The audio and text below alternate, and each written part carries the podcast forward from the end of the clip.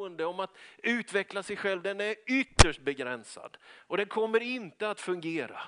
Och i alla strömningar så kan man som kristen vara rätt cool ändå för att vi är skapade till Guds avbild och människan kommer alltid att söka honom hur det än är. Människan kommer alltid att törsta och längta. Och idag ska vi läsa ett bibelord som bara lyfter perspektiv och sammanhang till en annan nivå än jag, mig själv och mitt eget. Så varsågod och stå upp så läser vi Romarbrevet 11, vers nummer 33 till 36. Och det är Paulus som avslutar ett passage där 9, 10, 11 där han beskriver rötterna mellan kristendomen och de judiska rötterna, det gammaltestamentliga sammanhanget. Och så förklarar han vilken plats vi har och så avslutar han det med att faktiskt skriva en lovsång. Tänk man kan sjunga en lovsång, man kan skriva en lovsång. Kanske han sjöng den också. Så här står det i alla fall. O vilket djup av rikedom och vishet och kunskap hos Gud. Hur outgrundliga är inte hans domar, hur ofattbara hans vägar. Vem har förstått Herrens sinne? Eller vem har varit hans rådgivare? Eller vem har gett honom något först så att han måste betala igen? Av honom, genom honom och till honom är allting. Hans är äran i evighet. Och det känns väl naturligt att säga Amen. Amen. Varsågod och sitt ner.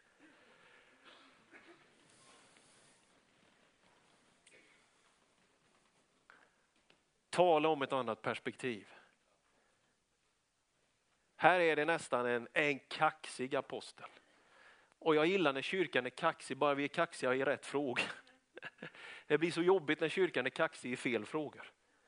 Men det finns områden där man ska vara som aposteln Paulus och bara lyftas in i någonting som är högre. Och när jag läser en sån här text så känner jag, oh vad vi behöver det här i vår tid. Oh vad vi som kristna behöver det här i vår tid. Vi behöver lyftas från vår egen begränsade tanke och förstå att när vi inte förstår så betyder det inte att Gud är mindre än vår tanke, det betyder att Gud är större än vår egen tanke. Alltså när vi inte räcker till så betyder det inte att Gud är begränsad i sin allsmäktighet. Utan när vi inte räcker till så kan trons låga öga, tanke hjälpa oss att förstå, då har han bara börjat att ge ut av sin kraft. O vilket djup av rikedom, av vishet och kunskap hos Gud. Och så säger han, hur outgrundliga är inte hans domar? Hur ofattbara är hans vägar? Finns du här inne som någon gång har tänkt, jag fattar inte Bibeln. Jag förstår mig inte på Gud, om det nu är så här. Välkommen i klubben tillsammans med aposteln Paulus. Han som var så kunnig, han som visste så mycket och ändå så säger han, Guds vägar är faktiskt ofattbara. Och man brukar, om du vill, få känna på två fina ord, man brukar tala om katafatisk och apofatisk teologi. Katafatiskt är när man talar om positiva gudsbeskrivningar. Gud är kärlek, han är visdom, han är nåd. Apofatisk är när man säger vad han inte är. Du vet, man lär ju inte känna en människa bara genom vad den är utan också vad den inte är. Och det finns någonting av gudspersonen som gör att när vi lär känna honom så har vi ändå väldigt mycket kvar att lära känna hos honom. När du får ett bönesvar så är det bara en, en, en början på vad du kan få uppleva i bönens värld. Amen. Du är inte färdig i din vandring med Gud. Paulus skriver i Filipperbrevet, jag vill lära känna Kristus. Han var då mot slutet av sitt liv och ändå längtar han efter mer. Så när det finns en gudsbild som målas fram i den här texten som är, vi förstår inte allting. Vilken slutsats ska vi dra då? Frestelsen för oss rationellt, Excel-människor, tänkande, vi som är fostrade i det svenska skolsystemet.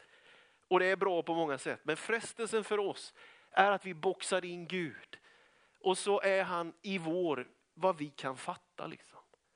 Men aposteln lyfter fram, här är en Gud som är större än min tanke.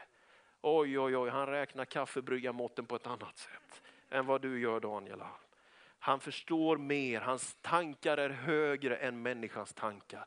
Bibeln säger till och med att hans dårskap är för mer än mänsklig visdom. Ja, vilken skön smäll, en riktig skön käftsmäll in i det mänskliga övermodet av att tro sig om att kunna så mycket. Gud är större än vår tanke. det är inte någonting som är ett problem utan det är en orsak till lovsång och tillbedjan. Det finns en frihet i detta. Jag förstår inte allt, fy vad skönt. Du måste inte kunna allt. Ja men, du inte, ja men det där, hur blir det med det här? Om man försöker logiskt, vet du, tänk vad skönt det är att bara få komma till Herrens hus och få säga tack gode Gud för din nåd. Tack gode Gud för din trofasthet. Tack gode Gud för din kärlek. Och så komma upp på ett annat plan än hur det ser ut på bankkontot, än vad den sa i förra veckan eller hur just det kändes. Att få leva utifrån en gudsbild istället för ett egots bild. Där finns frihet, det är den friheten vi behöver leva i. Och vi får inte den friheten att få fram vår egen vilja. Utan vi får den i att förstå hur stor och mäktig Gud är. Vem har förstått Herrens sinne? Vem har varit hans rådgivare? Vem har gett honom någonting först att han måste betala igen? Jag vet när det slår en sådär lite med kraft att Gud är inte skyldig mig någonting. Gud är inte skyldig mig någonting. Gud är inte skyldig oss någonting.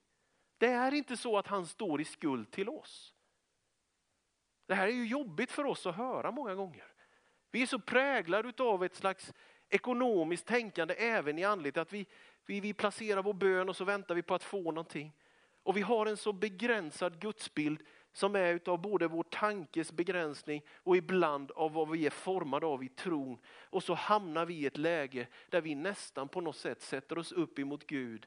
Men Gud är inte en Gud som man ska göra uppror emot. Gud är en Gud som man ska falla ner och tillbe inför.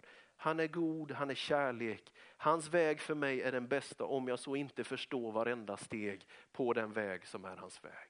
Det finns en underbar frihet i att slappna av och ta emot att han är större. Han är inte skyldig mig någonting. Men Bibeln berättar hur mycket han ger. Bibeln berättar att han är kärlek och att han älskar med evig kärlek. Bibeln berättar att det finns inget slut på hans visdom. Bibeln berättar att han ger helig ande utan att mäta. Bibeln är full av en Gud som gör någonting, som är aktiv och som delar ut goda gåvor. Han gör inte det för att han står i skuld till oss. Han gör det för att han vill älska och visa den kärleken. O oh, vad jag älskar honom för detta. Det är vår verkliga identitet, inte hur vi mår utan vem han är. Det är vår verkliga frihet att inte ta avstamp i det, våra egna känslor, utan i det som är uppenbarat av vad han har gjort för oss. Idag, kära vän som finns här, och lyssnar på den här predikan. Så hoppas jag att du skulle lyftas in i en annan identitet än vad som är ditt sista liksom, läge, känslomässigt, utvecklingsmässigt. Det här finns ett högre, ett större perspektiv. Hur är det då med lidanden till exempel? Hur är det då med uteblivna bönesvar? Jag menar att den här gudsbilden som Paulus har, som lyfter oss till något högre och större, ger luft att andas när man får vänta på bönesvar. När det är tungt och när det är svårt. Aposteln Jakob han skriver, får någon av er lida så ska han be, någon glad ska han sjunga lovsånger. Vi ska inte vara en kyrka som begär liksom att alla ska vara i samma mood hela tiden. Vi ska inte vara en kyrka som kräver det orimliga och det omöjliga av människor. Men vi ska vara en församling som sätter hans namn högt, som påminner sig om hans närvaro och tar del av allt det som han har för oss. Så att vi lyfts in i någonting, att vi trots våra funderingar och frågor, trots våra problem och lidanden förstår att Gud kommer att vara trofast. Han kommer att föra oss hem, han kommer att föra oss fram, han kommer att ge oss den fullhet som vi behöver. För vet att om du och jag lever våra liv med att om jag får det och det, om jag får den perfekta relationen, den perfekta ekonomin, den perfekta församlingen, den perfekta pastorn, perfekta omständigheterna. Då ska jag tacka Gud. Ja, good luck, det kommer aldrig att hända. Och du kommer vara frustrerad, det är särskilt det där med den perfekta pastorn, det är svårt. Men om du istället hittar din glädje i den evige, den allsmäktige, den kärleksfulla guden och sätter honom högt att ja, men han ville mig, han skapade mig, han gav mig livet. Jag existerar, kyrkan existerar. Och om du hittar en glädje i de grunderna så kommer du att få se att det bär frukt och ger goda resultat in i det vardagliga livet. Om vi söker glädje så kan vi bli frustrerade. Men om vi söker den Gud som verkligen ger glädje så kan vi uppleva glädje även om våra omständigheter är svåra. Tror vi på detta? O vilket djup av rikedom, av vishet och kunskap hos Gud. Visst är hans domar outgrundliga, visst är hans vägar outrannsakliga. Men vilken slutsats drar vi då utav det outrannsakliga? Skepticism och tvivel, avhållsamhet, liksom att, distansering. Eller inlevelse, kärleksyttringar, lovprisning och tacksamhet. Jag påstår att det närmaste läge utav fullhet hos Gud som vi kan uppleva på den här sidan evigheten inte är när man är perfekt vätskebalans, fysisk, själslig och andlig. Jag påstår att fullheten på den här sidan evigheten är inte när du bara tänker goda tankar och alltid gör rätt i varenda handling. Jag påstår att det närmaste fullhet och fullkomnande vi upplever på den här sidan evigheten, det är när hjärtat öppnas upp och mjuknar. Det är när man förundras över Guds nåd och barmhärtighet. Och det är när ens inre brister ut i lovsång och tillbedjan och tacksägelse till Gud under alla livets förhållanden. Aldrig är du så nära den gudomliga fullheten i ditt liv som när ditt inre är fullt av tacksamhet till Gud. Därför uppmuntrar jag dig att när du tar emot bröd och vin alldeles strax här, säg tack Jesus. Tack för Golgatas seger. Låt det få vara ditt liv. Ska vi be tillsammans. Amen. Halleluja. Fader i himmelen, jag tackar dig. Tackar dig för att du är här mitt ibland oss idag. Tack för din närvaro Gud, tack för din kraft. Tack för din styrka och att du vill manifestera din närvaro genom den helige Ande. Och att du låter det få bli liv i våra liv idag. Och jag ber att du ska lyfta mig och oss till det där högre planet, att inte brytas ner av omständigheter, utan byggas upp av uppenbarelsen om vem du är. O Gud, att frukta dig är början till visdom. Att älska dig är vägen till frihet. Gud, jag ber att vår församling ska vara fylld av tillbedjan, av tacksägelse. Jag ber att våra liv, Herre, trots umbäranden, svårigheter och frågetecken, skulle präglas av någonting.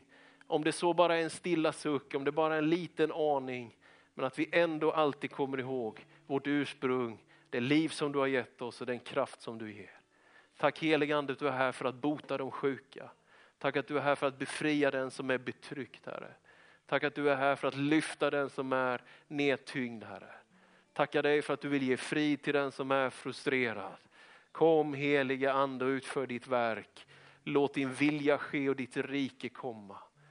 Åh Herre jag tackar dig, jag tackar dig och prisar dig Herre. Vi är inför dig och vi tillber dig. Vi hyllar dig, du som är den allsmäktige, du som är den evige. Du som är alltings upphov, du som är orsaken till att vi finns.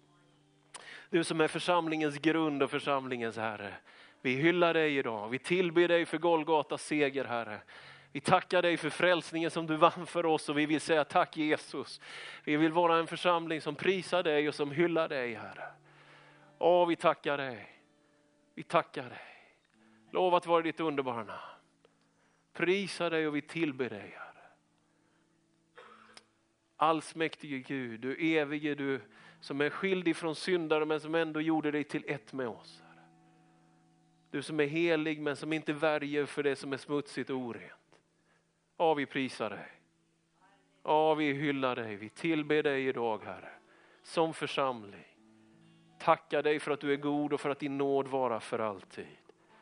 Tackar dig för allt gott som du ger till oss. Herre. I Jesu namn.